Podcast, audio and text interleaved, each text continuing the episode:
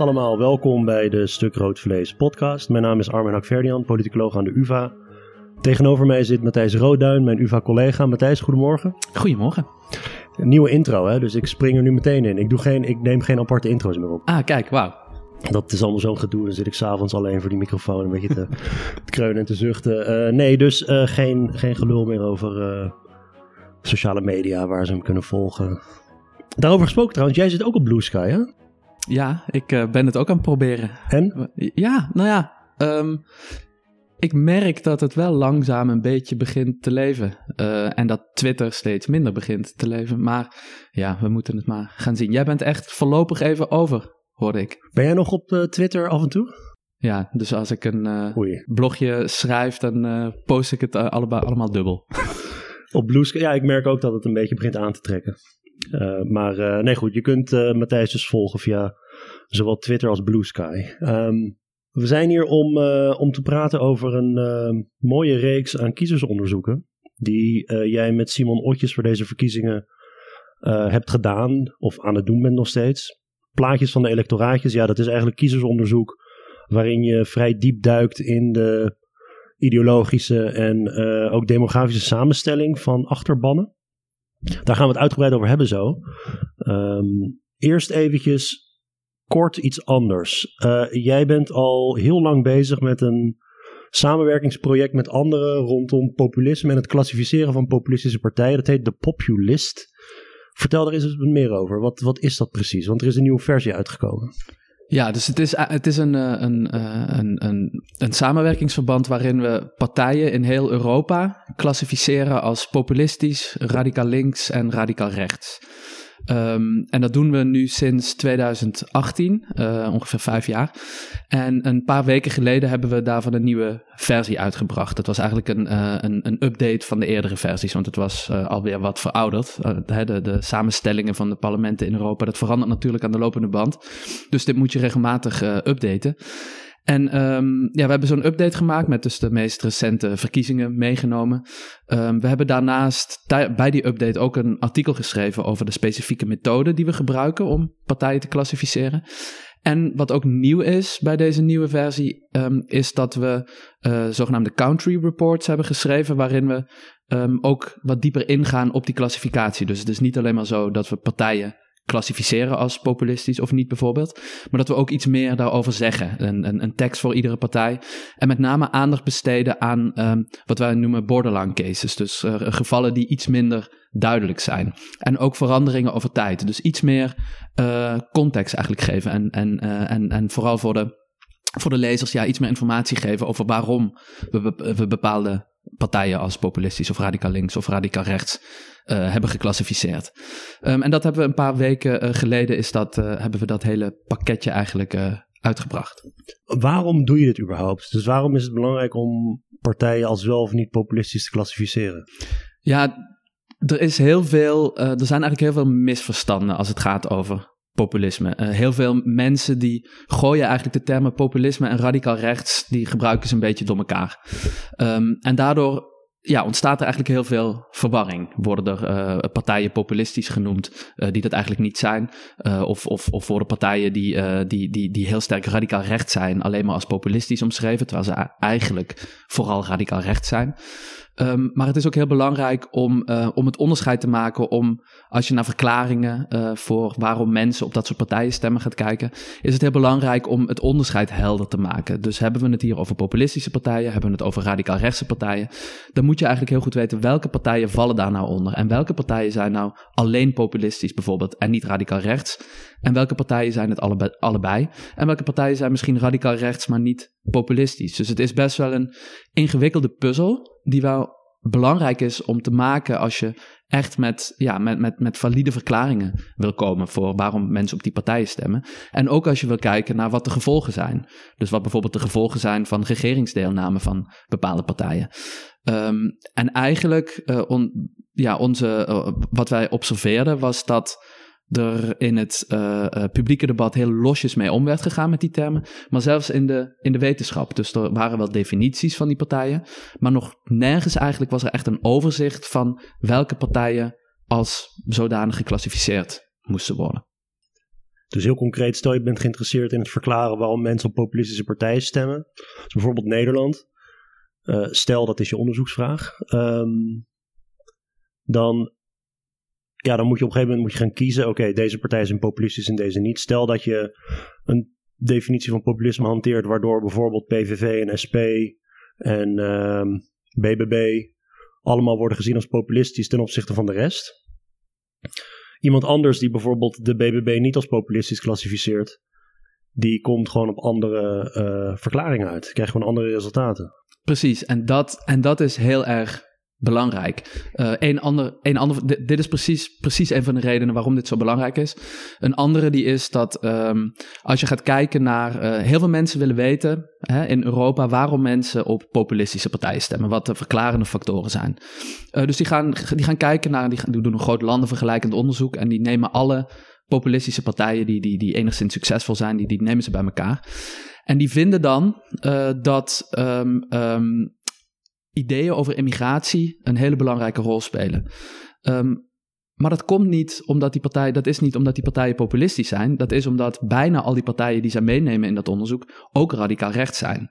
En het is de, de, de, de verklaring van dat uh, negatieve opvattingen over immigratie dat leidt ertoe dat die mensen op radicaal rechtse partijen stemmen. Niet zozeer dat ze op populistische partijen gaat stemmen. Want als je alleen als je naar populistische partijen gaat, stemmen, eh, gaat kijken die niet radicaal rechts zijn, dan vind je dat die anti-immigratieopvattingen helemaal geen effect hebben. Dus het is heel belangrijk om die twee uit elkaar te trekken, zoveel mogelijk. Moeten we nog uh, gewoon voor de record definiëren wat populisme is? Misschien wel, hè?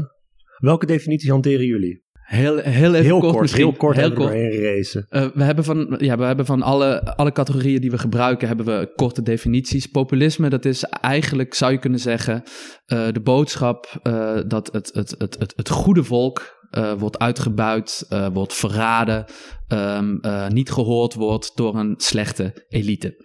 Wat dat volk precies is, dat wordt in het midden gelaten. Die elite, dat zijn vaak verschillende elites. Een culturele elite van, van, uit de grachtengordel of academici die in een ivoren toren zitten. Economische elite, een juridische of journalistieke elite, maar vooral ook een politieke elite. Dat is eigenlijk hè, waar, de, waar de meeste populisten uh, vooral naar kijken. Um, maar het gaat echt om die tegenstelling tussen aan de ene kant dat volk en aan de andere kant die elite. En het is echt een, ja, het wordt, populisten zien dat ook echt als een soort van strijd tussen het goede en het kwade. Dat is eigenlijk die kern van dat populisme. Een beetje in de traditie van Cas Mudde en uh, Margaret ja. Canavan en dat soort, dat soort auteurs. Ja. Uh, ik vind het interessant dat je zei dat er ook, ook ja, dat, dat is eigenlijk denk ik onlosmakelijk verbonden met iedere vorm van klassificatie. Zeker als het dichotoom is, ja of nee. Dat er toch gewoon grensgevallen zijn. En jullie hebben met een team samengewerkt hieraan. Hè? Dus uh, ik dacht dat Cas en Sarah er ook aan mee, ja. meededen. Uh, anderen ook. Uh, ik zal een volledige verwijzing uh, in de show notes plaatsen. Over welke partijen hadden jullie onderling oneenigheid? Um, ik wil dat nou, je uit de school klapt. er zijn verschrikkelijke ruzies geweest. uh, nee. Um, misschien heel even kort over, over hoe, het, uh, hoe het klassificatieproces ging. Want um, we, wat, we, we, noemen dat, uh, en hou je vast, de term is Expert Informed Qualitative Comparative Classification hele mooie. Uh, ik ben al bij de E, ben ik al afgehaakt.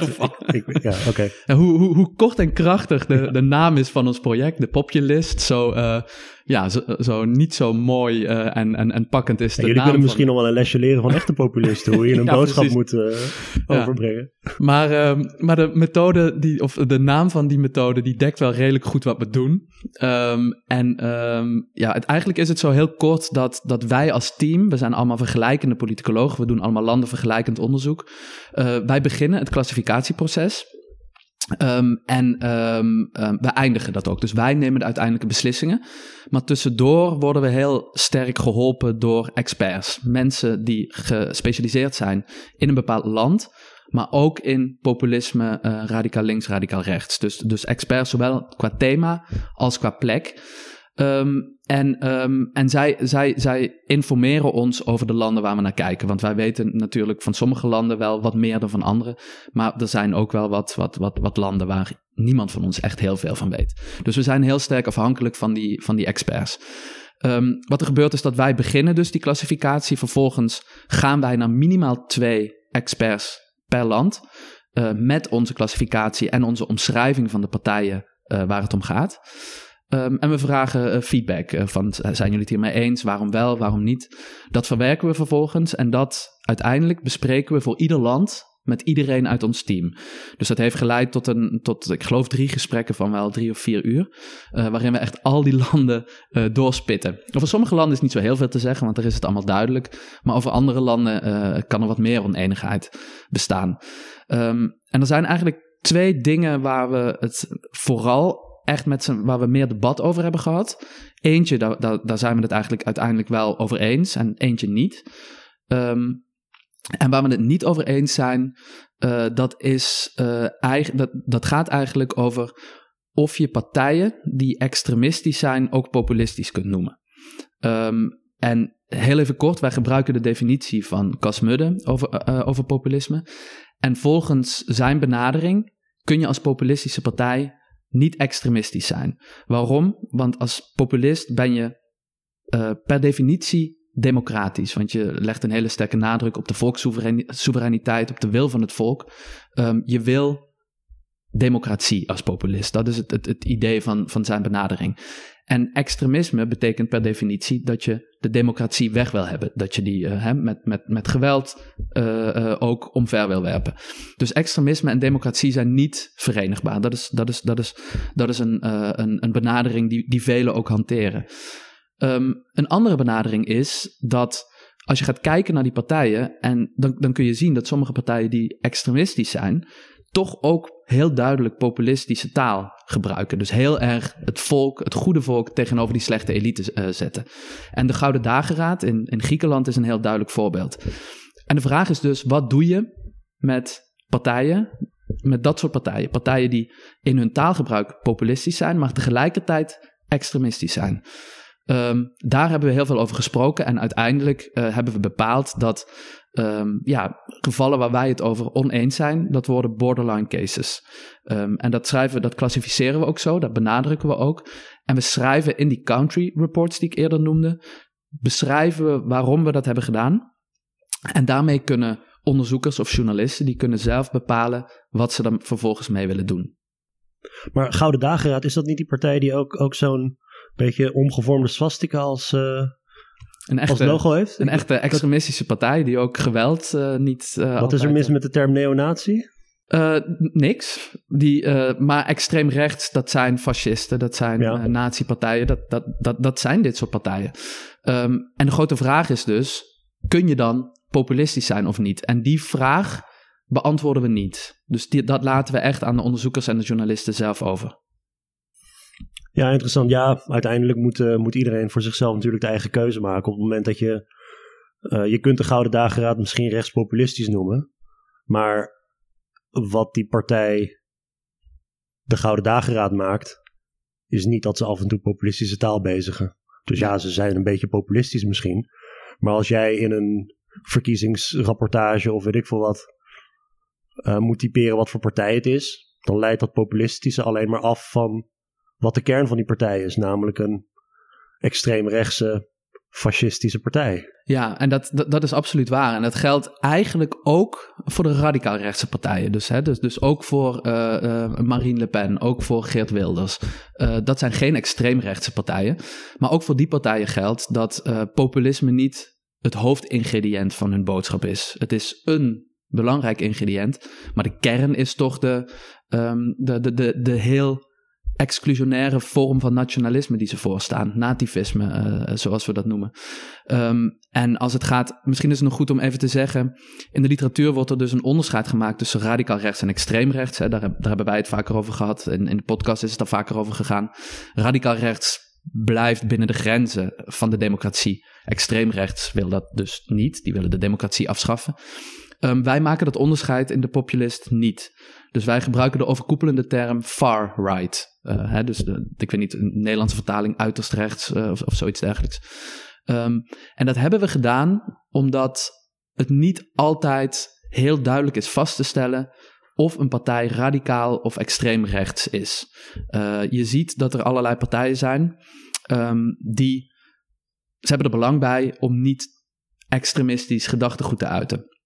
Want veel kiezers zien dat niet zitten, maar ook hè, dan, dan kun je misschien vervolgd worden. Um, en daarom zie je dat sommige partijen hondenfluitjes gebruiken, hè, waarin ze dus wel proberen om een bepaalde boodschap te zenden naar de extremistische, uh, de extremistischere achterban die ze ook hebben. Um, en omdat dat onderscheid soms lastig te maken is, hebben we gekozen om die, die term far-right, de overkoepelende term, uh, die, die radicaal en extreemrechts omvat, om die te gebruiken voor het klassificeren. Ja, ik, ik moet de verleiding weerstaan om dit weer een podcast te laten worden over, over populisme. Maar die term democratie is natuurlijk enorm veelzijdig en, en multidimensionaal. Ik bedoel, Cas zelf, en jij ook denk ik, bijna iedereen die zal bepaalde onderdelen van de democratie, die, kunnen, die zijn verenigbaar met populisme en andere weer niet. Dus die rechtsstatelijkheid, bescherming van minderheidsrechten en noem maar op. Uh, vrijheid van godsdienst bijvoorbeeld. Nou, ik, de vrijheid van godsdienst bij Geert Wilders uh, die geldt voor bepaalde godsdiensten. Nou ja, als die voor bepaalde godsdiensten geldt, dan is het geen vrijheid van godsdienst. Dus dan kun je wel zeggen, ja, Wilders is voor verkiezingen en voor, voor referenda. Enfin, het is, het is, het is ik bedoel, hier zijn geen, uh, alle definitiekwesties die hebben uh, dit soort eigenlijk spanningen in zich. maar wat ik wel waardeer aan het hele project is gewoon de transparantie. En ik bedoel, take it or leave it. Het kan voor journalisten en, uh, en voor studenten en voor collega's of voor geïnteresseerden überhaupt. Kan het wel handig zijn als je bijvoorbeeld een, uh, een artikel of, of een scriptie of, of noem maar op iets moet schrijven over een uh, verkiezingsuitslag in een bepaald land. Om even te kijken op Populist. van hoe, ja, wat zijn een beetje de discussies rondom de klassificatie. Want het woord populisme zal altijd uh, gebruikt worden. Dat, dat is nu onderdeel geworden van het politiek discours. Ja. Maar je kunt hier in ieder geval kijken wat, wat de beweegredenen zijn om het wel of niet te doen. Of juist om te zeggen, nou ja, we weten het niet. Kies, gebruik je eigen oordeel. Ja, nee, en dat is ook precies wat we bij deze versie meer wilden doen dan bij de vorige. Um, dus we wilden echt uh, uh, eigenlijk mensen zelf ook meer ruimte geven om die keuze te maken. Want bij die de vorige versies die we, die we hadden, dit is versie 3, um, ehm, was het best wel sterk zo van uh, wij zijn de experts, dit is onze klassificatie. doe, er maar, doe er maar wat mee. En nu proberen we inderdaad, wat je zegt, een stuk transparanter te zijn. Dus veel meer te zeggen. Niet te zeggen van wij zijn experts, dit is onze klassificatie. ga er maar mee aan de slag. Maar veel meer wij hebben deze partijen om deze redenen als zodanig geclassificeerd. Um, en dat is ook iets wat ik eh, in, in volgende versies nog meer wil doen. Dus nog meer uitleggen waarom we bepaalde keuzes hebben gemaakt. En uh, journalisten, uh, wetenschappers, anderen, die kunnen daar dan vervolgens met die, met die informatie, kunnen ze hun eigen keuzes maken over het klassificeren van partijen. Oké, over naar de electoraatjes. Dat heb je met Simon samen gedaan? Jullie hebben nog geen ruzie onderling? Nee. Geen oneenigheid? Alles? Nee, nee, nee. Top. Um, even kijken. We hebben zeven partijen. Hebben jullie inmiddels op het blog behandeld? Er komen er nog een stuk of zeven. De komende twee weken. Ja, ja we zijn op, ik realiseerde me net. We zijn uh, op de helft, geloof ik, ja. Goed moment voor, uh, ja, voor een podcast. Hiervoor, ja. Het is alsof we het gepland hebben. Nou, uh, uh, waar wil jij mee beginnen? Laten we gewoon om en om gaan. Uh, wat is de partij die jij als eerste wil behandelen?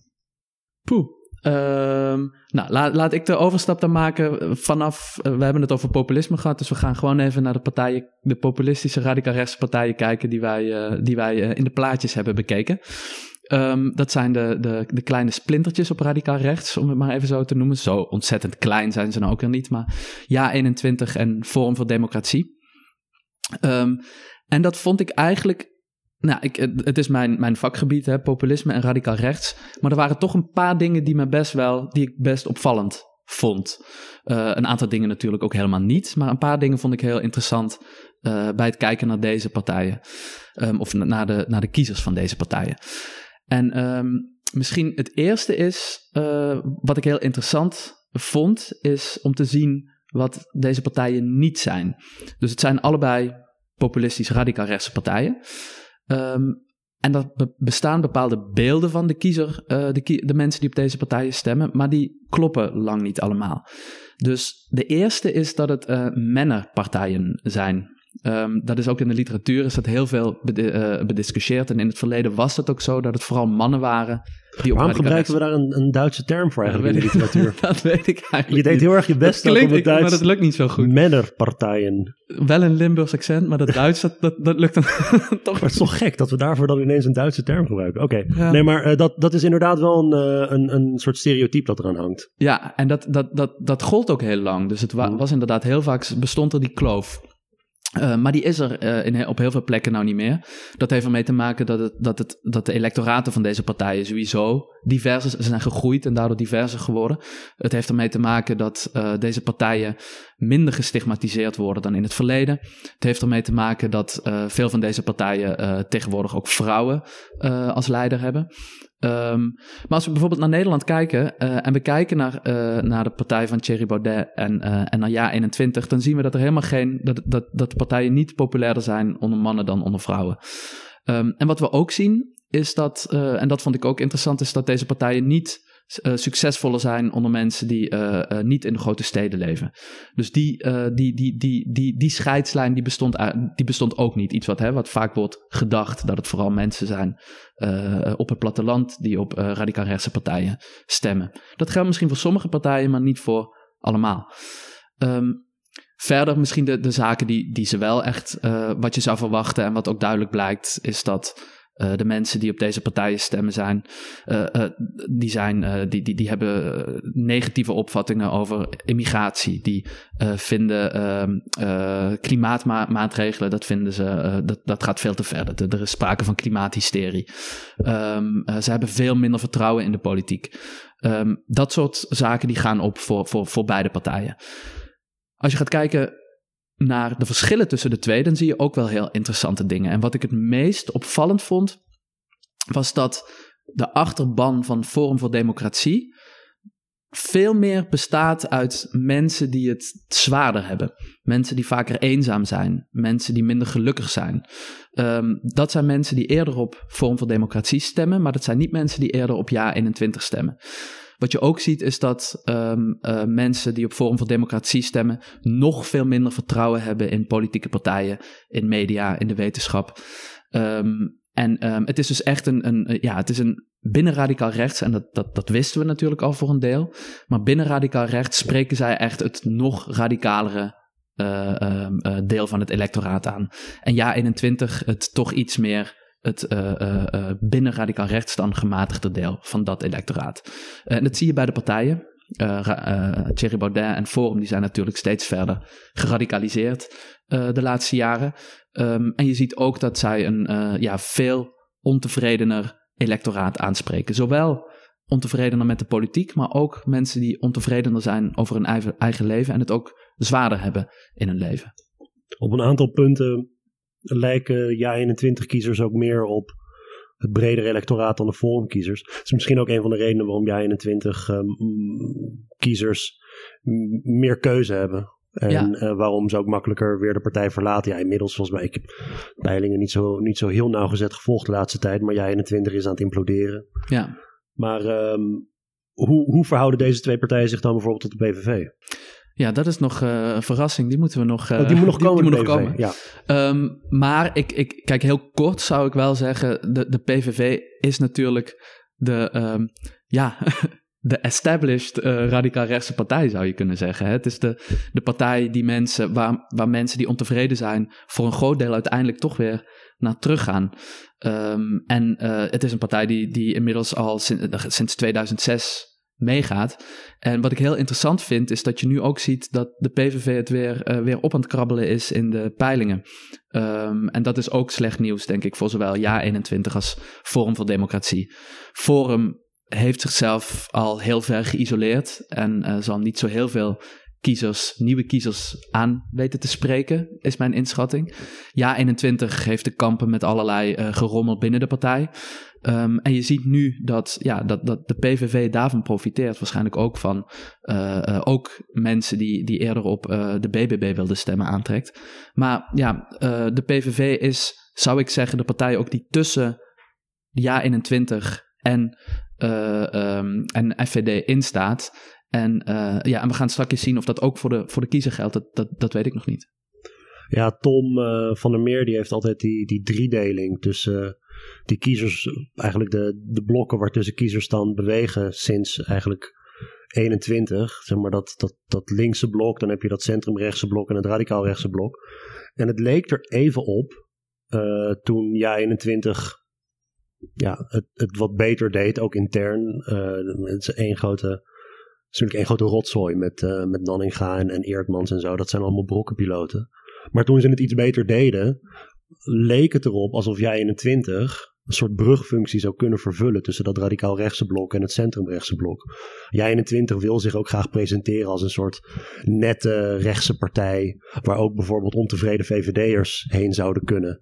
Uh, tegelijkertijd komen ze allemaal uit de forum, uh, ja. uh, uit het forumnest, dus zou, zouden ze misschien inhoudelijk ook van die achterban wat kunnen meesnoepen. Dus, maar inmiddels is er helemaal niks van over. Nee, nee zeker. En dat is denk ik. Uh, um, en dat was ook interessant, want ik denk uh, dat het inderdaad klopt. Hè? Dus dat het electoraat bij de vorige verkiezingen echt ja, bestond uit, uit die drie blokken: de links, centrum rechts en, en radicaal rechts.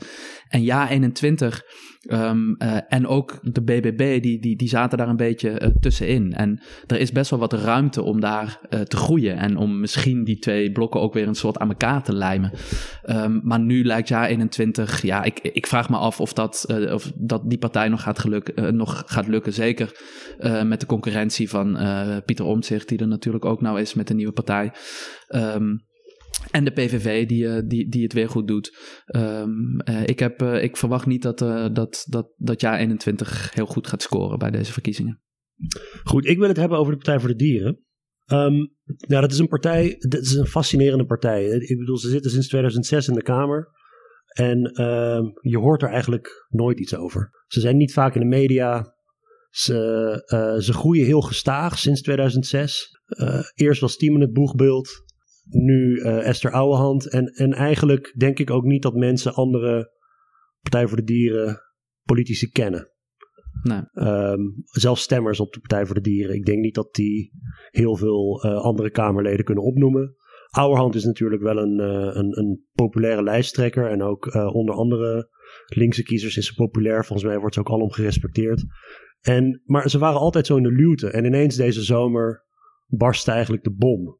Maar, heel veel mensen die hebben daar hun uh, visie op gegeven dat het ook een richtingstrijd zou zijn. Een beetje de oude uh, oprichters die toch vooral naar dierenwelzijn wilden kijken tegenover oude hand en, en een beetje de nieuwe lichting die de partij wilde verbreden en niet alleen maar over dierenwelzijn praten. Um, de achterban van die partij die past wel bij die wat bredere kijk op, uh, op de politiek. Dus bijvoorbeeld, um, er zijn, jullie, jullie hebben ook in dat, in dat blog een aantal citaten van, van, van een aantal van die oprichters en kopstukken van Weleer. Die het dan hebben over bijvoorbeeld mensenproblemen, zoals racisme of zoiets. Futiele mensendingen. Ja. Bijvoorbeeld, ja. ja. En um, het is interessant, in een, in, een in een commentaar onder het stuk heeft uh, een, uh, een lezer ook, um, even kijken, Ronald Heijman. Soms hebben we ook commentaren op het, uh, op het blog. Die schrijft ook dat eigenlijk een betere naam voor de partij zou nu zijn. Niet de Partij voor de Dieren, maar de Partij voor de Aarde. Omdat het dus meer gaat over ook, ook kapitalisme en consumptiepatronen. En, en veel bredere dingen dan alleen maar dierenwelzijn. Dat electoraat van de Partij voor de Dieren, dat is, dat is bijna een, een archetypisch links-progressief electoraat. Ja. Dat eh, op het gebied van migratie, op het gebied van uh, economische ongelijkheid, uh, erg links. Uh, opleidingsniveau en dat soort zaken ook uh, bovenmatig. HBO en WO'ers. Veel vrouwen. Um, veel vrouwen. Het is een heel klassieke linkse partij eigenlijk geworden. Ze zullen niet op al die thema's zich profileren. Maar als je kijkt naar de ideologische samenstelling, dan, dan is het echt een heel bijna saaie uh, linkse uh, kiezer. Ja, met één uitzondering, hè? Oh, ja, een, ja, of een overkoepelende uitzondering. Maar nou, je hebt helemaal gelijk. Die Ja. is voor jou, die uitzondering. Wat is de uitzondering? Nee, dus, nee je hebt heel, en dat is heel interessant, want de, de, de partij is natuurlijk, de, de naam zegt het al, de partij voor de dieren. En uh, ik geloof dat het de team was uh, die, die het inderdaad, inderdaad dus had over futiele mensendingen. Dus dat, dat, dat alle andere dingen eigenlijk secundair zijn aan, aan, aan dierenwelzijn. Maar wat je nou ziet, en dat is ja, precies wat jij zegt, dat is zo interessant, is dat als je naar de kiezers kijkt, dat het eigenlijk typische uh, progressieve linkse kiezers zijn op, op, op al die vlakken. Uh, Sociaal-economisch, um, uh, als het gaat over immigratie, dat zijn natuurlijk dingen die niet direct met dierenwelzijn te maken hebben. Maar daar, ja, dat scoren zij echt als typisch progressieve, linkse, multicultureel ingestelde kiezers. Um, en in hun partijprogramma staat dat ook. Het is misschien niet iets waar ze zich op profileren, maar het is niet alsof de partij op die punten iets totaal anders wil dan de kiezers. Nee, en ze, ze zeiden in het begin ook in ieder geval van zichzelf dat ze niet links of rechts waren. Nou, de, de kiezers en ook de partijen in, in, ieder geval in die, in die, in die, in die, uh, in die punten is dat, zijn dat heel duidelijk wel.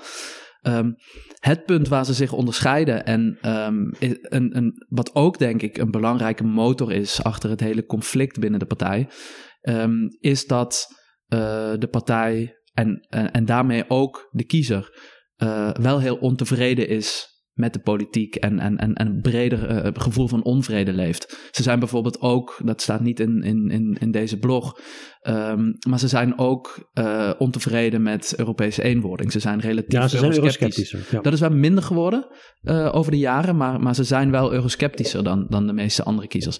En ze zijn ontevredener met de politiek.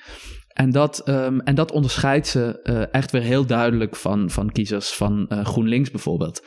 Um, en dat is wel heel interessant, want dat is ook uh, volgens mij um, wat voor een deel het conflict binnen de partij verklaart. Moet de partij een, een, een soort van. ja, protestpartij vind ik een, beetje een lastige term, maar moet het een partij zijn die het compromisme bestrijdt? En, en, en, die wat, en die wat radicaler is? Of moet het een partij zijn die wat meer meegaat en die wat meer richting, ja, richting het midden eigenlijk uh, uh, aanbeweegt, zoals bijvoorbeeld GroenLinks dat ook doet. En volgens mij is dat, misschien is dat iets te ongenuanceerd, maar is dat ja, een, een, een, een belangrijk deel van het conflict tussen de verschillende stromingen binnen de partij die afgelopen uh, zomer, na zomer naar boven is gekomen. Ja, het, het komt op mij over als een, als een electoraat dat op heel veel ideologische punten overeenstemmingen heeft met, met andere links-progressieve partijen. Maar wat wantrouwender en principiëler misschien is. Of misschien wat minder bereid tot samenwerking. Ik weet niet of misschien eerder bij de partij weggaat.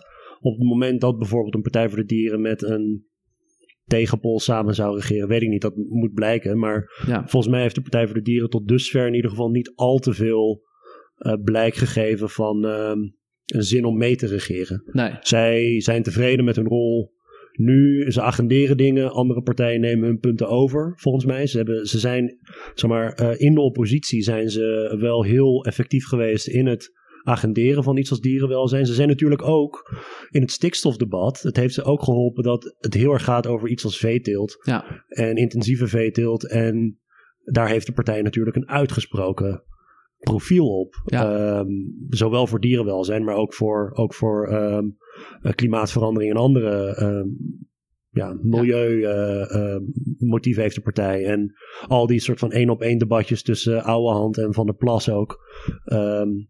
Het, ja, ze, ze zijn wel wat dat betreft effectief ja, in, ja. in oppositie. En, en zeker ook, en Esther Ouwehand heeft natuurlijk wel echt een, een ander profiel dan Marianne Thieme. En zij, uh, en, je, en je ziet ook, hè, wat, wat je al zei, dat de partij is eigenlijk uh, sinds het begin uh, alleen maar gegroeid. En dat, is, is heel langzaam gegaan. Dus in tegenstelling tot sommige partijen die in één keer bam heel succesvol zijn, die krijgen heel veel media-aandacht.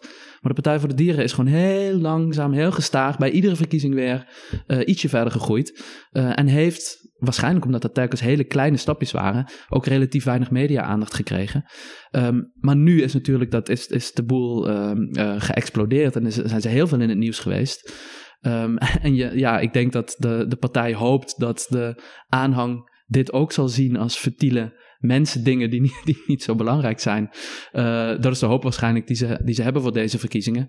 Maar ik heb wel in de peilingen gezien dat het al iets minder gaat, dat die gestage groei dat er nu wel een duidelijke knik in is gekomen. Uh, en ik ben benieuwd wat er nu de komende weken gaat gebeuren. En of de partij echt een flinke uh, ja, klap gaat krijgen hierdoor. Jij bent aan de beurt. Wat is de derde partij? Um, dan kies ik het, uh, het CDA. Um, Hebben die nog kiezers?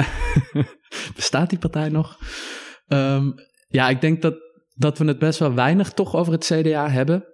Want ja, CDA is altijd de bestuurderspartij geweest natuurlijk in Nederland. Ehm, en het is nu echt razendsnel achteruit gegaan. Ze zijn nu een, een, een, een kleintje. Ehm, en, dat, en, dat, en ik vraag me af of dat nog gaat veranderen. ik, ik denk dat, dat, dat alle partijen relatief makkelijk kunnen pieken en dalen. Dus CDA zou ook best wel weer wat groter kunnen worden. Maar kijkend naar de CDA-kiezer die nu is overgebleven, uh, vraag ik me af of dat gaat gebeuren. En kijken naar de concurrentie die er is. dus als je gaat kijken naar de, naar de mensen, het, het, het typische CDA-electoraat nu, aan de hand van deze, um, de, de data die we hebben dan zie je dat het nog steeds, uh, het zijn de wat oudere mensen die op de partij stemmen. Het zijn mensen die met name um, buiten de grote steden wonen. Um, het zijn mensen die zichzelf als vrij rechts omschrijven. Maar, en dat vond ik best wel opvallend. Het zijn niet per se mensen die ook op sociaal-economisch vlak rechtse standpunten hebben. Um, het zijn vooral, ze zijn vooral rechts op andere, op andere thema's. Dus natuurlijk hun, hun, hun, religie, hun religie bepaalt voor een deel wat ze vinden. En dat zie je als het gaat om ethische kwesties. Bijvoorbeeld, wij hebben gekeken naar euthanasie. En dan zie je dat ze, ja, dat ze een stuk conservatiever zijn dan de gemiddelde kiezer. Maar dat valt ook nog best wel mee. Ze zijn niet zo ontzettend veel uh, conservatiever op dat vlak. En als je ze bijvoorbeeld gaat vergelijken met de ChristenUnie, dan zie je dat CDA-kiezers veel progressiever zijn. Zelfs als het over, als, als het over dit soort medisch-ethische kwesties gaat. Um, ze zijn ook rechtser als het gaat om, uh, um, om natuur en klimaat. Dus als het gaat om groene politiek, dan zijn zij duidelijk grijzer dan de gemiddelde kiezer. Dus, dus op die vlakken zijn zij, zijn zij wel echt rechtser, maar op sociaal-economisch vlak niet. Wat mij opviel, verder aan de partij is dat uh, er is een vraag in de, uh, de, de, de, de, vragenlijst van het LIS-panel. Dat is, de, hè, dat is het, uh, de, de club die, onder, die, die dit onderzoek doet ieder jaar. vaker ieder jaar, maar de, de, de vragen over politiek zijn er ieder jaar. Dan zie je dat, um, dat mensen die op het CDA stemmen zich meer verbonden voelen met andere mensen. Dus er is een vraag van hoe verbonden voel jij je met anderen. En CDA-kiezers scoren duidelijk hoger dan mensen die op andere partijen stemmen. En dat sluit natuurlijk mooi aan bij de, de, ja, de gemeenschapszin van die partij. En, bij, uh, uh, en waar nu ook weer de nadruk op lijkt te liggen op de normen en waarden van de partij. Uh, zoals zij het zelf noemen, CDA als wij-partij. Het gaat om het, om het wij. Een beetje een. ik zie jou een beetje ja. kokhalzend kijken. nou ja, ik. ik ik zit, wat zou ik, eh, of wat zou jij antwoorden, wat is verbondenheid? Maar stel je krijgt in zo'n enquête een vraag over, voel je je verbonden met andere mensen? Ik bedoel... Nou, hij is, nog, hij is nog specifieker trouwens. Ze laten het zien aan de hand van een soort, eh, van een Venn-diagram eigenlijk, van elkaar overlappende cirkels. Dus je kunt aangeven, uh, ik voel me zo verbonden, twee cirkels die elkaar maar ja, eigenlijk nauwelijks overlappen. En die, die overlap wordt dan steeds groter, tot twee cirkels die elkaar bijna helemaal overlappen. Dus je voelt je heel verbonden met Jij bent één cirkel en alle andere mensen zijn een andere cirkel? Ja. Maar wie, zijn dan alle andere mensen? Is dat de wereldbevolking? Is dat, zijn dat mijn buren? Dat, dat kun je helemaal zelf invullen. Dus daar wordt helemaal geen, geen, geen specifieke invulling aangegeven. Maar ik denk dat het dus het, het, het geeft een soort van wel aan, hè? Dus, dus wat, wat, wat velen van ons, uh, Tom met name ook, uh, zeggen van het CDA moet zich in die campagnes op die, dat kernissue, die normen en waarden gaan richten. Nou, dat lijkt inderdaad ook, ook hierbij wel te passen bij die kiezer. Die kiezer die zich verbonden voelt met anderen, die het belangrijk vindt dat het een wij-partij is. En wat dat betreft denk ik dat dat klopt, dat die, dat, dat, dat, dat, dat, die, dat die aansluiting er is. Ik vraag me wel af of met ja, deze nadruk op die, op die wij-partij of uiteindelijk met ja, het, het, het, het, slagveld dat er nu is, met die grote concurrentie van die andere partijen uh, en de relatieve onbekendheid van de, van de lijsttrekker, of ze er nu in gaan slagen om die wijkiezer ook van buiten het CDA weer een soort van binnen te krijgen. Ik, vraag ja, ik, word, ik word uh, zowel cynisch als melig als ik dit hoor. um, Maar ambivalente Venn-diagrammen en dan ook een ambivalente slogan als wijpartij. Waar wij trouwens niet op slaat bij het CDA is uh, gezinshereniging. Anyway. Nee, um, nee, nee, zeker. Nee, dus het, het, het, zeg maar alle gekheid uh, op, een, uh, op een stokje. De, dat is natuurlijk dat, waar het om gaat bij dit soort termen. En ik denk ook voor CDA Uh, of überhaupt een partij die wil praten over gemeenschap of over verbondenheid of over bestaanszekerheid of noem maar op. Ja, met wie dan?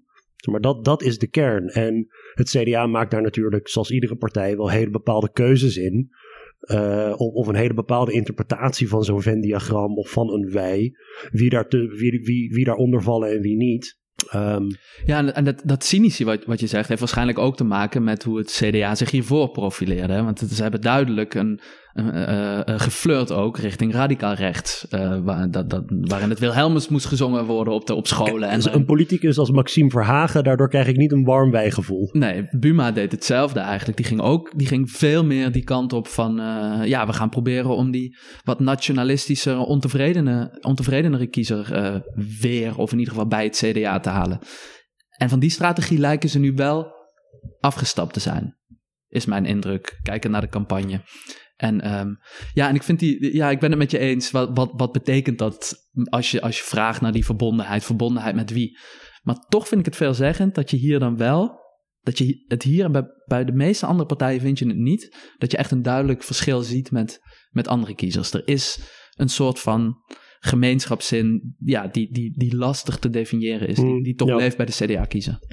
Uh, omzicht uh, en NSC zit natuurlijk niet in het listpanel. Um, wat is jouw inschatting? Stel dat we na de verkiezingen met kiezersonderzoek uh, dit zouden herhalen. Het verschil tussen de CDA-kiezer die er nu nog over is en de NSC-kiezer. Um, een beetje hetzelfde als bijvoorbeeld we net hadden over de Partij voor de Dierenkiezer en andere linkse partijen. Ik, ik zou denken, ideologisch gezien is de NSC-kiezer vrij vrij gelijk aan, uh, aan de CDA-kiezers. Dus wat, wat ze denken over sociale zekerheid en over uh, immigratie. Misschien zelfs ethische issues, want heel veel van die NSC-punten uh, en ook NSC-politici zijn oud-CDA'ers. Maar waar ze op zullen verschillen is denk ik ook dat, dat politiek vertrouwen. Ja, zeker. Dat, dat bij het CDA-kiezer waarschijnlijk hoger is dan bij de NSC-kiezer. Maar ideologisch verwacht ik best wel veel overlap. Ja, ik denk het, ik denk het ook wel. Het is wel belangrijk, denk ik, om, om uh, als je nou gaat kijken naar, uh, naar de partijen. Um, daar zie je, ja, ik denk dat qua, qua, um, qua standpunten dat uh, de Partij van Omzicht een, een, een, een redelijk typische christendemocratische partij is op een heleboel vlakken. hij is ook niet gek, want ze komen het, hij komt en, en, en een heleboel van zijn mensen komen ook uit het CDA. Met één heel belangrijk verschil, want christendemocraten, en zeker ook onze christendemocraten in Nederland, die zijn altijd heel huiverig geweest over, als het ging over politieke hervormingen.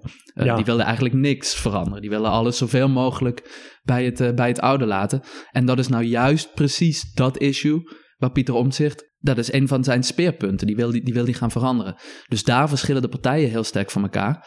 En dat zie je, zoals je zegt, denk ik ook bij de kiezer. Dus dat de kiezers van de partij uh, van Omzicht, die zullen, vermoed ik, veel, meer, uh, uh, veel minder vertrouwen hebben in de politiek.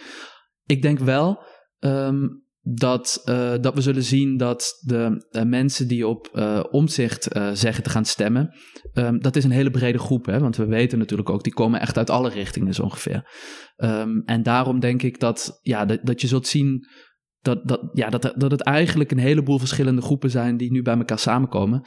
De grote vraag gaat straks ook zijn, denk ik. Um, de, vraag is ten eerste natuurlijk hoe groot omzicht gaat worden. Uh, maar de vervolgvraag is hoeveel mensen blijven uiteindelijk bij die partij. Uh, de meeste mensen gaan op hem stemmen, dat, dat, dat weten we al, vanwege hem, vanwege zijn persoon. En niet zozeer vanwege uh, de inhoud van zijn verkiezingsprogramma. Want die mensen zeiden al dat ze op hem gingen stemmen voordat dat programma er was. Uh, en het is natuurlijk ook best wel ironisch, want Omtzigt is een politicus die, um, die benadrukt dat het hem om de inhoud gaat. En dat, dat, dat is ook zo, denk ik. Dat is echt ja, ja. iemand die zich vastbijt in al die dossiers. Het gaat niet om de persoon, het gaat om de inhoud. Um, maar uiteindelijk zijn de meeste kiezers mensen die op hem stemmen. Niet zozeer vanwege de inhoud, maar vanwege hem. Omdat hij zo'n dossierverreter is. Omdat hij zo'n goede uh, politicus is, maar niet zozeer om de dingen die hij vindt. Dus de grote vraag voor mij gaat straks zijn, als hij nu succesvol wordt, wat ik wel denk, hoe hij ervoor gaat zorgen dat, dat hij die kiezers gaat behouden. Ja, ik denk ook dat uh, op het gebied van Europese integratie dat er misschien een verschil gaat zijn tussen de gemiddelde NSC-kiezer en de uh, gemiddelde CDA-kiezer. De christendemocratie is altijd van oudsher een van de motors geweest van Europese integratie samen met de ja. sociaaldemocratie. In de naoorlogse Europese geschiedenis. Uh, christendemocraten zijn, zijn zo ongeveer de de meest uh, pro-EU institutionele soort van ja. partij. En um, wantrouwen, dat denk ik omzichtkiezers onderscheidt van CDA-kiezers, is natuurlijk heel vaak ook hangt, hangt heel vaak samen met euroskepsis. Dus ik, Maar goed, Europa is een compleet non-issue. Niet alleen maar bij omzicht, maar bij alle partijen nu. Dus de, Volledige verkiezingen zijn tota-, gaan hier totaal niet over. Maar dat zou wel iets kunnen zijn waar, waar je ook onderscheid uh, vindt. Goed, um, per kiezer hebben we het heel lang over het CDA gehad. Als je het zo... Uh, ja, maar ik denk dat disproportioneel veel over het CDA gaat. Maar dat is denk ik ook wel goed, want het is een kleintje nu, dus dan moet je er misschien nog maar weinig aandacht aan besteden. Maar het feit dat ze zo klein zijn geworden, vind ik wel een belangrijk thema. Het is, het is wonderbaarlijk. Ja. Uh, tegelijkertijd, uh, de, de partijen waar ze aan verliezen, Omzicht, BBB, waren in het verleden natuurlijk stromingen binnen het CDA. Dus ja. ergens is het, ja. ja, god, noem het het bredere gedachtegoed, is springlevend. Die partij zelf heeft er gewoon een, een enorm potje van gemaakt. Ja. En is het niet gelukt om, uh, om het zacht uit te drukken, om al die verschillende stromingen uh, binnenboord te houden. Maar ja, het gedachtegoed van het CDA leeft voort bij Omzicht en Van der Plas. Ja, absoluut. In zekere zin. Uh, glas half vol. Um, ben ik aan de beurt? Of, uh, jij, jij koos het CDA. Ik koos het CDA. Um, Volt. Matthijs Volt, waarom bestaat die partij? Als ik zo kijk naar, die, als ik kijk naar de plaatjes van uh, de Volt-achterban. Wat is dat voor een interessante, merkwaardige niche die ze hebben gevonden? Ja, het lijkt heel erg op de D66-kiezer. Uh, dus in die zin kun je afvragen, is het een, een, een, uh, een, een niche? Natuurlijk zijn ze, is de partij wel echt anders dan, dan D66. Het is een uh, partij die, die natuurlijk uit een, uh, vanuit, ja, vanuit een, een Europees overkoepelend verhaal komt. met, met subpartijen in alle verschillende landen, die ook allemaal van elkaar verschillen in wat ze, wat ze benadrukken. Dus dat is heel interessant. Um, qua gedachtegoed lijkt de partij ook heel erg op, op D66. Um, qua kiezers ook. Uh, er zijn een paar verschillen die interessant zijn.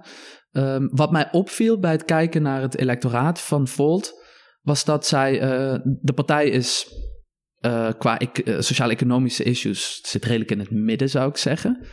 Um, maar de kiezer is wel echt duidelijk linkse. Um, en dat vond ik opvallend. En als je gaat kijken naar links-rechts plaatsing, hè, dus hoe, hoe, hoe kiezers zichzelf plaatsen, dan zie je ook dat mensen die op Volt stemmen, zichzelf als linkser omschrijven dan mensen die uh, op D66 stemmen. En, um, en een ander, wat, wat ik denk heel belangrijk verschil, is dat de Volt-kiezers veel jonger zijn dan D66-kiezers. Het is echt een partij die populair is onder, onder jongeren. En dat is bij D66 veel minder het geval. Verder, dat zijn de verschillen. De overeenkomsten zijn gigantisch natuurlijk. Ik bedoel, um, ze zijn allebei uh, qua opvattingen over immigratie zijn ze heel pro immigratie. Het zijn partijen van, uh, van, uh, van hoger opgeleiden. Het zijn een, een hele leuke uh, factor die we meenemen in deze plaatjeserie is hoe vaak mensen naar, naar um, vormen van hoge kunst gaan. Dus naar de opera of naar ballet of naar filmhuizen. Um, en daar houden Volt-kiezers en D66-kiezers heel erg van. Te maken natuurlijk met een hoger opleidingsniveau. Um, dus daar, als het gaat om politiek vertrouwen. Ze hebben uh, vertrouwen in de politiek. Als het gaat om klimaat, uh, dan, dan, dan, dan, staan ze voor hele groene politiek. Um, dus op al die vlakken lijken ze ontzettend op elkaar. Ik denk, een van de belangrijke verschillen nu is natuurlijk dat D66 net uit het kabinet komt. Um, ja, eigenlijk, het gaat helemaal niet goed met de partij. Um, het heeft een heel ander imago. Het heeft misschien een wat stoffiger imago. Terwijl Volt, uh, komend vanuit Europa, uh, zo populair onder jongeren, een veel hipper imago heeft. En ik denk dat het voor Volt vooral heel belangrijk wordt, deze campagne, om, ja, om, om, om, zichtbaarheid te krijgen. Um, maar ik vind het wel, ja, dus ze lijken heel erg op de D, D66-kiezers. Maar er zijn een paar kleine verschillen. Maar je kunt je wel heel erg afvragen van, ja, is er ruimte voor deze twee partijen op de langere termijn? Die, die twee partijen die zo dicht bij elkaar zitten. Hoe denk jij daarover? Waarom heb jij deze partij, waarom, wat vond jij interessant? Omdat ik onze studenten erin herken. Oh ja. Ik, uh, Ja. Ik, ik heb uh, dit, dit blok geen onderwijs gegeven uh, en ik, ik mis onze studenten. Dus, ja, weet je wat? In Volt zie ik ze toch een beetje terug. nee, maar even, um, jullie schrijven dus in de conclusie: Volt is een partij van HBO en WO opgeleide kunstminnende jongeren die een eerlijkere verdeling van inkomens willen, vinden dat er in Nederland ruimte is voor vluchtelingen en ingrijpende maatregelen willen nemen voor het klimaat. Um, wat, mij, wat mij gewoon keer op keer fascineert aan deze gefragmenteerde politiek waarin we zitten, is dat je eigenlijk voor iedere partij kun je op vijf of zes kenmerken kun je uh, overlap met een andere partij vinden, ideologisch, maar op één niet. Maar dan is er een nieuwe partij. Ja. en dat heb je bij de meeste partijen in Nederland, heb je dat inmiddels. Ja. En dan krijg je dus ook inderdaad dat bijvoorbeeld als een D66 gaat regeren en als het even niet goed gaat, ja, dan kunnen D66-kiezers kunnen zonder al te veel water bij de wijn te doen wat betreft hun eigen principes, kunnen ze gewoon lekker naar een andere partij overstappen. En Volt kan die bepaalde niche wel vullen. Uh, Volt heeft net als D66 een heel internationaal imago natuurlijk, nog, nog meer misschien zelfs. Ik weet niet hoeveel dat pan-Europese wat, wat ze echt onderscheidt is natuurlijk dat pan-Europese. Ja. Alleen hoe... Daar wordt, ligt een nadruk daar, daar, daarop. Ik vind dat Ja. zelf persoonlijk alleen maar verwarrend. Wat is nou de relatie tussen de moederpartij en de verschillende landenpartijen? Ik, ik denk ook niet dat de meeste kiezers van Volt dat nou zo ontzettend boeiend vinden. Wat, wat resoneert is waarschijnlijk die internationale, naar buiten gekeerde... eh, eh, dat profiel. Maar of, Ja. hoe dat institutioneel nou precies gaat met een pan-Europese, weet ik veel wat. Dat, Ja. ik kan me niet voorstellen dat het nou zo'n ontzettend groot punt is. Het is wel een partij die, eh, zo, zoals voorheen D66, bij, bij studenten Ja. in de, in de grote steden eh, populair is. Ja. ja, misschien D66 is nu nog niet, maar waarschijnlijk als deze podcast online komt, dan is, hebben we ook de blog over D66 eh, geplaatst. Wat, daar, wat, je, wat je al zegt, hè, wat heel interessant is aan D66 natuurlijk, is dat het een, een sponspartij is die heel sterk kan groeien en ook weer kan krimpen. Dat zie je nu. Ze hebben eerder wel eens drie zetels volgens mij eh, in het verleden gehad. Ja. Eh, nu in de Kamer meer dan twintig, toch? Ja. Ehm, en dat, ehm, dus die partij die, die, kan, die kan heel erg groeien en die kan heel erg krimpen. En dat zie je ook in die, in die analyses. Dus wat ik heel interessant vond, we hadden natuurlijk in 2021 dat Kaag-effect. Dus dat heel veel mensen op de partij hebben gestemd vanwege Kaag, vanwege eh, het leiderschap.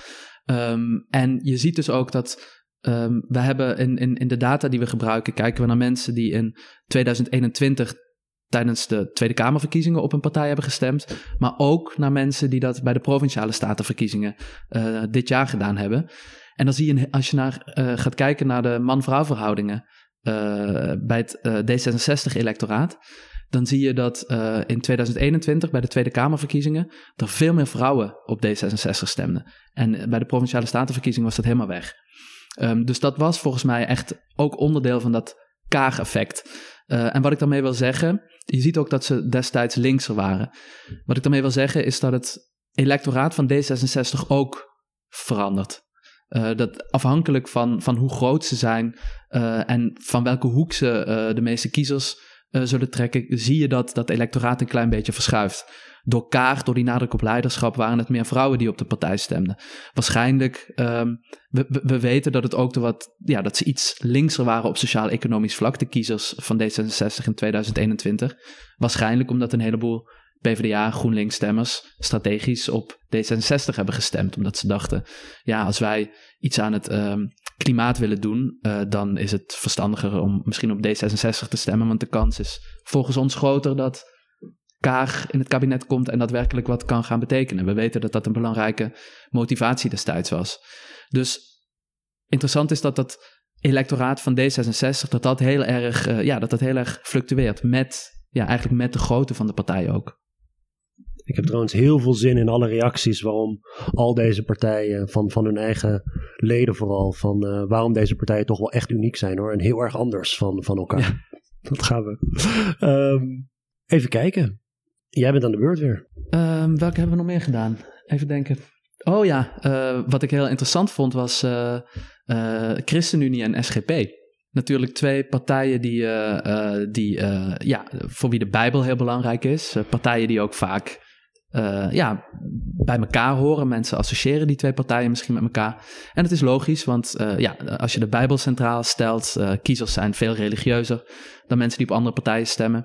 Dat zie je ook aan, aan hun voorkeuren, met name als het gaat om ethische of medisch-ethische kwesties. En voor, voor, de, voor de fusie tot ChristenUnie werden eh, RPF, GPV en SGP altijd in één adem genoemd als de drie klein, klein, christelijke partijen. Precies, ja. Dus in mijn vroege soort van politieke uh, bewustzijn was dat altijd een soort van, oké, dan heb je nog die drie. Ja, ja precies. En die, zijn een beetje hetzelfde. Ja, die, die, die drie uh, sterk religieuze partijtjes, die hebben we ook nog. Die zijn, er zijn wat kleine verschilletjes, maar die zijn wel, hè, die komen die komen uit klein christelijke partijen. Ja, ja. En dat, en dat, en dat, en, en dat zit nog steeds waarschijnlijk, dat heb je nog steeds in je hoofd. Die twee horen een beetje bij elkaar. Ik, ik wel in ieder geval. Maar het is niet helemaal terecht, uh, blijkt uit deze analyse. Uh, dat, dat wisten we natuurlijk ook al als we naar de partijen kijken voor een deel. Uh, want um, de SGP bijvoorbeeld, die, um, die is, als het gaat om met name immigratie uh, dan zijn ze echt vele malen rechtser dan de, de ChristenUnie. En dat zie je ook aan uh, met welke partijen ze in Europa samenwerken. Dus de SGP werkt samen met de Alternatieven voor Duitsland. Weer Duits. Hoppa. um, en, uh, maar ja. ook met, de, um, hè, met, met recht en rechtvaardigheid uit Polen. Een partij die de, die, de, die de rechtsstaat in dat land flink, flink kapot heeft gemaakt. En um, hoe kan dat nou? Terwijl de SGP het ja, staatsrechtelijk geweten van de Kamer is. Precies, ja. Dus dat is, dat is heel interessant. Het heeft, daar, daar werkt SGP mee samen. ChristenUnie niet, om, om, om die reden. Die wil niet met die partijen geassocieerd worden. Dus daar zie je al dat er wel wat, wat, wat verschillen zijn. En als je nu naar die electoraten gaat kijken, dan zie je dat heel duidelijk ook terug. Um, ten eerste zie je het ook aan uh, hoe religieus kiezers zijn. Dus van allebei zijn ze veel religieuzer dan andere kiezers natuurlijk. Maar bij de SGP omschrijven uh, kiezers zich nog veel sterker als religieus. Ze zijn nog veel sterker dan de kiezers van uh, de ChristenUnie tegen euthanasie. Dat is echt een heel groot verschil. Um, ze uh, hebben veel minder vertrouwen in de politiek. Um, ze zijn veel rechtser als het gaat om immigratie. Ze zijn veel grijzer als het gaat om groene thema's. dus er zijn zoveel verschillen op, op, op, op issues die heel uh, ja, die eigenlijk heel salient zijn, waar veel aandacht aan wordt besteed, uh, dat je kunt afvragen hoe, ja, hoe hecht die vriendschap is, hoe, sterk die partijen samen zullen optrekken. Want er zijn echt, ja, de, de, de kiezers lopen, ja, verschillen dus wat dat betreft heel sterk van elkaar. En de partijen ook, op issues die, die, die best wel belangrijk zijn. Dus van die drie-eenheid die er ooit was, die twee-eenheid misschien nu. De vraag is voor mij heel sterk in hoeverre die zal blijven. Ja, ik moet je eerlijk zeggen, de, de, de, de verschillen vind ik veel uh, meer in het oog springen ja. dan de gelijkenissen.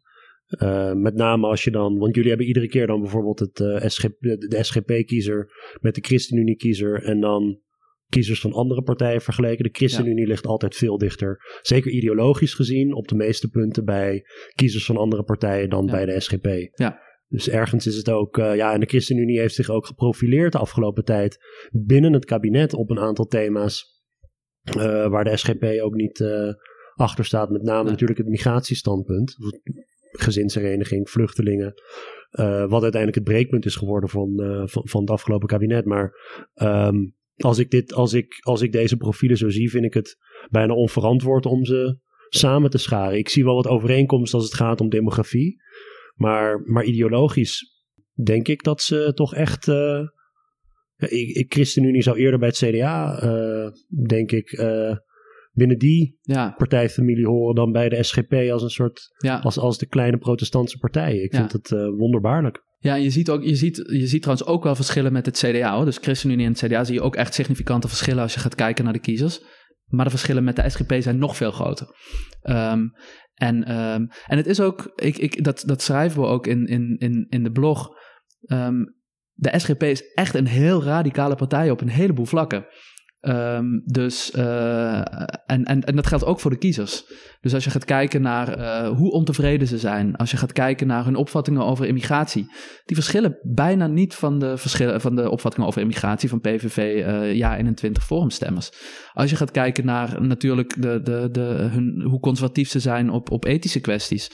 Um, het is eigenlijk het is een heel radicale partij, uh, terwijl ze toch wat, wat, je net ook, ook, ook, ook noemt, ja, ook een soort gezien worden als een, als een staatsrechtpartij, wat, wat, wat, per definitie bijna een soort van middenassociatie oproept. Dus dat vind ik heel interessant, dat ze aan de ene kant dat zijn en ook een partij zijn die heel vaak wordt genoemd hè, als het gaat om, om, om samenwerking in het midden, om het zoeken van meerderheden bijvoorbeeld. Wordt de SGP als een partij genoemd waar je, waar je goed mee zaken kan doen voor een, voor een VVD en CDA in het verleden.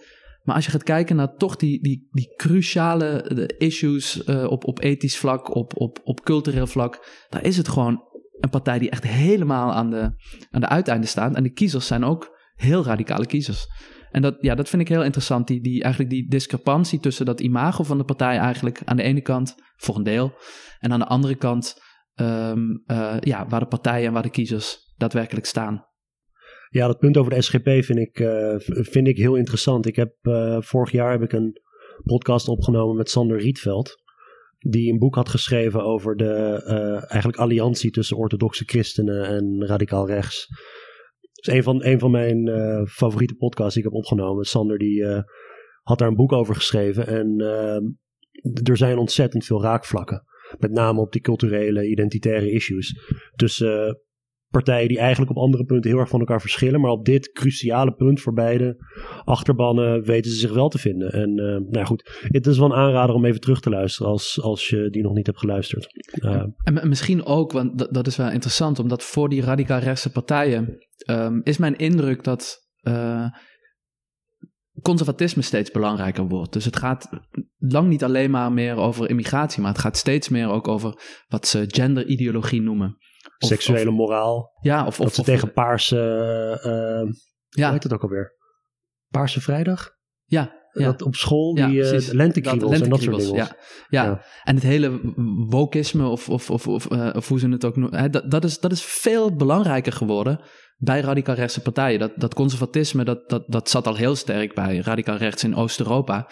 Maar je ziet nu eigenlijk dat, dat, dat in, ook in andere landen, dat dat steeds meer eigenlijk een onderdeel wordt uh, van die boodschap. En dat is natuurlijk precies ja, de plek waar zij uh, ook naast immigratie dan ja, een overlap hebben en, en het goed kunnen vinden met die streng christelijke partijen zoals, zoals de SGP.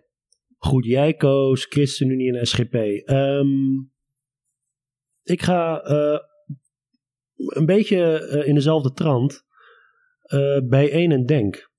Want dat zijn ook partijen die vaak door de buitenwereld op één hoop worden gegooid. Als een soort, ja, uh, zelfde soort partijen, antiracisme, migrantenpartijen, hoe je het ook wil noemen.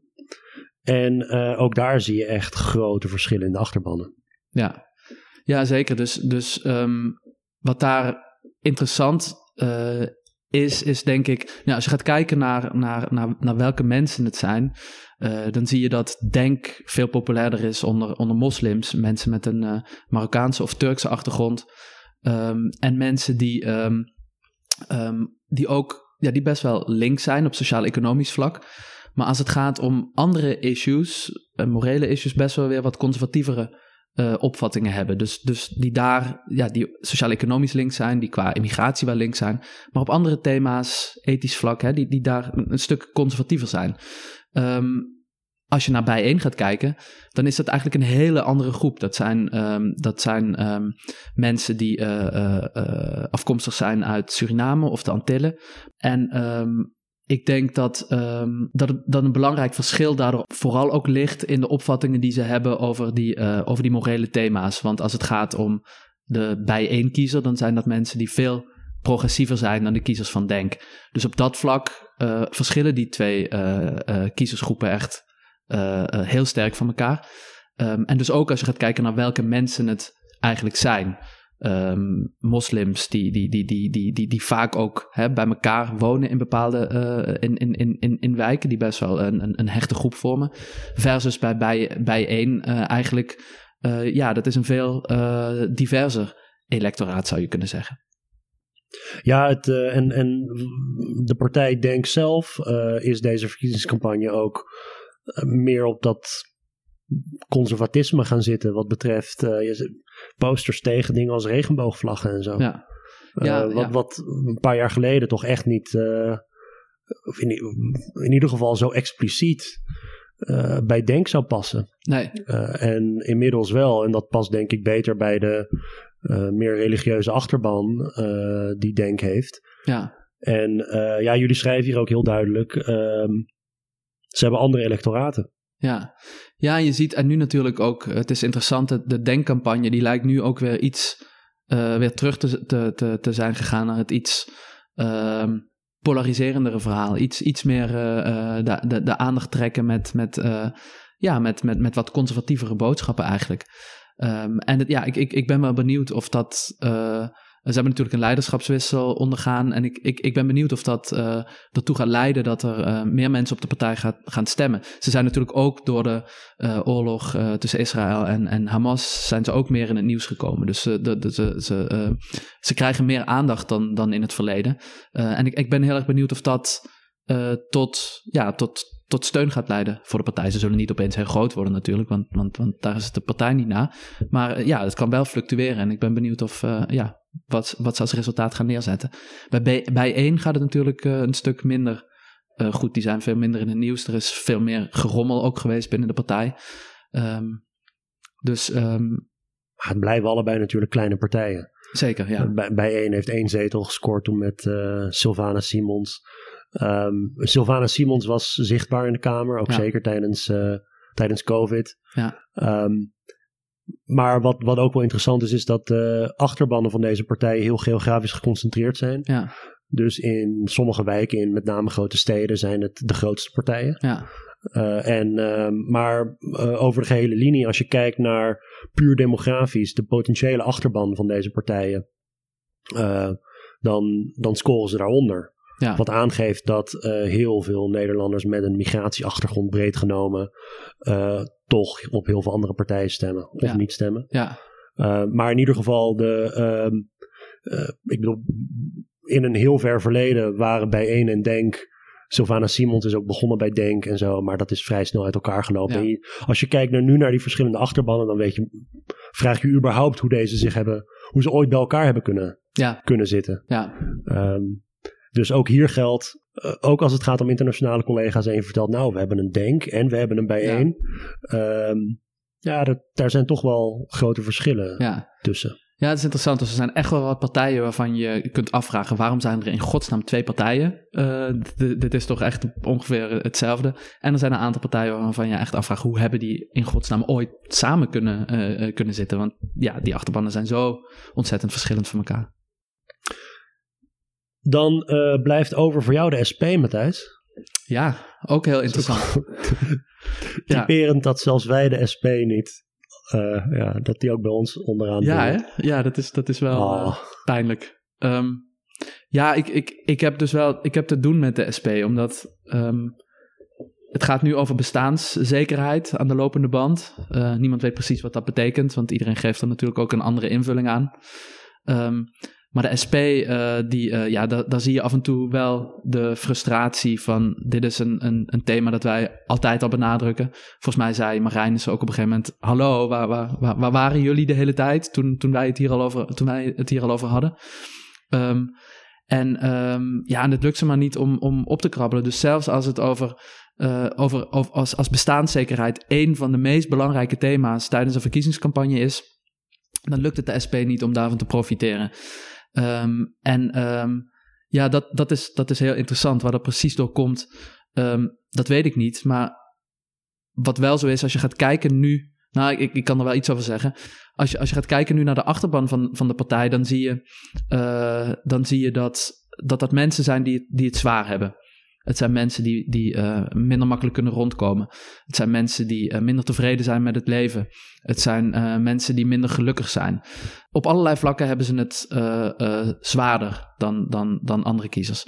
En het zijn ook mensen die mede daardoor, maar waarschijnlijk niet alleen, maar heel sterk zijn voor meer sociaal-economische herverdeling. wat ik interessant vond om te zien, en het is niet een hele grote verrassing, maar toch bleek heel duidelijk hier ook weer dat SP-kiezers eigenlijk alleen maar links zijn als het gaat over die sociaal-economische thema's. Als het gaat om culturele issues, zoals uh, immigratie, dan zijn ze helemaal niet links. zijn ze niet linkser dan andere kiezers. Als het gaat om klimaat, dan zijn ze ook helemaal niet zo groen. Um, dus wat dat betreft zijn, zijn ja, ze zijn echt links op economisch vlak. En het zijn kiezers die een stuk ontevredener zijn met de politiek. Um, dus het is een heel duidelijke uh, niche eigenlijk, hè, van, van, van een hele duidelijke kiezersgroep. Van wat mensen die het zwaar hebben, die ontevredener zijn, die wel economisch heel links zijn, maar op andere vlakken dat eigenlijk niet zijn. Um, en um, ja, dat is een, ook, ook de wat oudere kiezers. En ik denk dat dat uh, wat lager opgeleid. En die specifieke groep, um, ja, daar kan de partij nog wel aantrekkelijk voor zijn. Maar tegelijkertijd heeft de SP te maken met concurrentie echt vanuit alle hoeken. Um, mensen die misschien op uh, GroenLinks, PvdA willen stemmen, uh, om uh, strategische overwegingen bijvoorbeeld. Mensen die um, op de PVV gaan stemmen, omdat ze, ja, ze zijn sociaal-economisch wel links, maar ze vinden immigratie toch een heel belangrijk thema, dus gaan ze voor de PVV. En dan heb je nu natuurlijk de BBB en Nieuw Sociaal Contract. Ook partijen die, die, die, die concurreren met kiezers die um, enigszins links zijn op sociaal-economische thema's en enigszins rechts zijn op sociaal-culturele thema's. Um, dus echt vanuit alle hoeken uh, ondervindt de partij competitie. En daar komt nog eens bij dat ze daardoor, ja, dat ze ook heel vaak links uh, gelaten worden. Ook bijna door ons. We behandelen de SP als laatste. Uh, dus ze komen ook niet meer echt. er komt niet zo heel veel aandacht voor de partij, waardoor ze ook niet. Um, waardoor ze dat ook niet kunnen aanzwengelen. Dus ja, het is heel interessant om te zien dat. Um, dat een partij die een heel duidelijk profiel heeft op een van de thema's die centraal staan tijdens de campagne, maar het toch maar niet lukt om daar ja, graag bij te spinnen. Het is gek om de SP een one-issue partij te noemen, want het is een socialistische partij um, die, die ook op allerlei andere stand, onderwerpen een standpunt heeft. Maar hun ene issue, economische issues, zijn normaal gesproken behoren die toch tot de belangrijkere issues als je dan, ja, in het leven van mensen. Dat bestaanszekerheid of dat sociaal minimum, uh, dat, dat is zo'n beetje ook de. Um, de reden waarom de hele partij bestaat. Ja. Uh, mensen een menswaardig ja, inkomen kunnen garanderen. Ook al uh, ben je werkloos of ook al um, zit je in een, bepaal, in, ja, in, een, in een sector waar, waar bijvoorbeeld klappen vallen. De hele reden waarom die partij bestaat is om een sociaal minimum te kunnen garanderen voor mensen uh, die het anders gewoon te moeilijk zouden krijgen. Dus dat ene issue van de SP, dat is ook meteen een heel belangrijk issue maar het komt maar niet naar voren. En Omzicht die gaat nu aan de haal met dat bestaans, uh, met dat bestaansminimum, wat het, ook, wat het ook mogen betekenen volgens hem. Um, wat het extra pijnlijk maakt, is natuurlijk dat Renske Leijten van de SP met Omzicht samen de toeslagen, toeslagenschandaal um, eigenlijk het gezicht was van het toeslagenschandaal. In ieder geval het politieke gezicht. Samen met Omzicht. De SP profiteert daar totaal niet van. En zelfs op een ander speerpunt van omzicht, iets als arbeidsmigratie. Dat is ook zoiets waarop de SP al jarenlang probeert om. Um, ja, die probeert er aandacht voor te krijgen. Met name natuurlijk arbeidsmigratie. Uh, lage lonen, soort van arbeidsmigratie. De vakbonden trouwens ook al lang. Um, dat lukt ook maar niet, omdat andere mensen gaan er gewoon met de met de thema's vandoor waar de SP al decennia op hamert. En al decennia standpunten op heeft. Waarschijnlijk ook op de woningmarkt. Um, dak- en thuisloze problematiek. Neoliberalisering van de, van, van de woningmarkt. Allemaal van dat soort issues waar andere partijen eigenlijk ja, toch mee vandoor gaan. Um, je, zei, ik heb wel met ze te doen. Dat, dat merk ik zelf ook. het is, Ergens is het heel oneerlijk.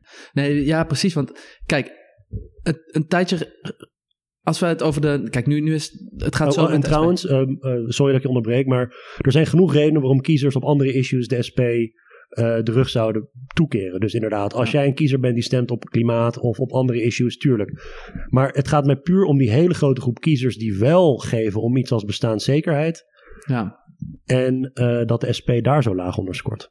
Ja, en, en, en kijk, het is zo interessant. Wij, wij zouden waarschijnlijk uh, gezegd hebben als politicologen dat alle seinen voor de SP nu eigenlijk gewoon op groen staan. De omstandigheden zijn, zijn ideaal. in de zin van dat, ehm, ehm, dat er heel veel onvrede is met de politiek. Door alle schandalen die we hebben gehad, hè, door toeslagen, door, door, door Groningen. Hebben, er is heel veel onvrede met de politiek.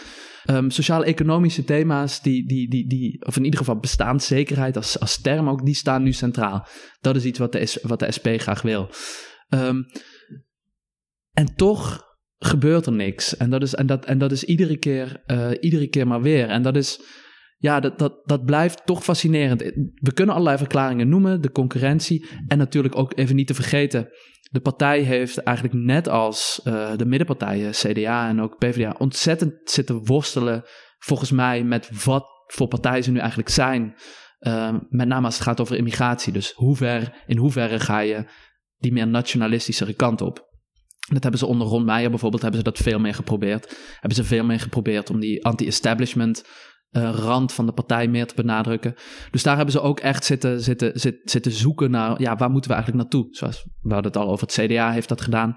PvdA heeft dat in iets lichtere mate gedaan. Hè? Gekeken naar, uh, van moeten we misschien ook iets meer naar dat Deense sociaal-democratische model, waarin we wat strenger zijn op immigratie, waarin we uh, dat meer gaan benadrukken. De SP heeft die, heeft die zoektocht ook heel erg doorgemaakt en heeft dat volgens mij nog steeds. Uh, en die concurrentie van de andere partijen, dat zijn allemaal verklaringen waarom het nu misschien niet zo lekker gaat. Maar toch ben ik daar nog niet tevreden mee en, toch nog steeds vind ik het lastig om uit te leggen waarom het de SP niet lukt om misschien niet uh, heel groot te worden zoals destijds onder Roemer, maar wel iets groter dan ze nu zijn. Uh, en mede daarom denk ik ook dat wij het toch, ja, toch te doen hebben met, met de partij. Ja, ik, ik uh, zit ook soms. Uh, ik, ik, weet het ook oprecht niet. Ik heb geen. Mocht, mocht de SP eh, mij vragen van ja, wat doen we dan verkeerd? Ik weet het niet. Nee. Simpelweg. Ik weet, het, uh, ik weet het niet. Ik vind het ook makkelijk om het af te schuiven op een lijsttrekker. Of, uh, ja. zeg maar, want de onderliggende thematiek, zoals jij zegt, de seinen zouden op groen moeten staan. Ja. Zeker na 13 jaar Rutte. Ja. Met allerlei, um, ja, all, allerlei mensen die in de verdrukking komen. Uh, economisch gezien. en dat, je hoeft echt niet alleen maar naar de excessen te kijken. Dat je denkt van, ja, dit is het moment om daarop te kapitaliseren als, als SP. Um, ja, wat, wat je dan krijgt is een paar weken geleden zo'n uh, ja, zo'n zo'n klein overwinningje op het gebied van het correctief referendum. Waar één of twee dagen is er iets van nieuws over. Maar een collectief soort van schouder ophalen door het nee. electoraat. Dit zijn geen issues die leven onder het electoraat. Nee. Dat zijn dan het soort overwinningjes die geboekt worden. Ja, daarmee, ga je het niet, daarmee ga je het niet redden. En ik vraag me ook af of het bredere electoraat überhaupt weet dat dit uh, een SP-ding is. Uh, uiteindelijk associëren mensen volgens mij uh, politieke vernieuwing uiteindelijk met andere partijen en niet eens zozeer met, met, met de SP. Wat onterecht is, maar. Oké, okay, dat waren de eerste zeven. Nog zeven te gaan. Nog zeven te gaan. Ja, misschien moeten we proberen om die andere zeven ook te behandelen voor de verkiezingen. Maar dat uh, moeten we maar even de agenda's op elkaar afstemmen. Um, we gaan gewoon de 21ste gaan we er even goed voor zitten. De 21ste gaan we de rest van de zeven. ja, ongelooflijk dat jullie dat voor elkaar hebben gekregen zo snel. Bij iedere verkiezing komen er ook nieuwe partijen bij natuurlijk. ja, dus. volgens mij heb ik, ik, ik deed er, uh, vorige keer deed ik het alleen. Uh, toen, toen waren het er tien. Ik ben blij nu, dat we nu met z'n tweeën doen. Dat is, en we doen, er, nou, we doen, volgens mij doen we veertien afleveringen, dus nog meer partijen. Um, ja, en het is ook veel leuker om het, om het samen te doen, omdat je, ja. je, je kunt hem een beetje sparren over welke plaatjes wil je, uh, wil je laten zien, wat wil je benadrukken. Um, dus het is ontzettend veel werk, maar het is ook leuk, uh, heel leuk om te doen. En je hebt beloofd dat je ook een soort van afsluitend blog gaat plaatsen. waarin je alle partijen op een aantal belangrijke onderwerpen ja. met elkaar vergelijkt. Dus ja. er is nog een hoop. Um, dit is allemaal te volgen via stukroodvlees.nl. Matthijs, heel erg bedankt voor je tijd. Graag gedaan. En niet alleen voor dit gesprek, maar ook voor de tijd die jij en Simon in deze analyses hebben gestoken. Dat is echt, uh, echt heel erg uh, mooi om te lezen, allemaal heel informatief. U bedankt voor het luisteren. Uh, abonneer op de podcast natuurlijk en uh, tot de volgende keer.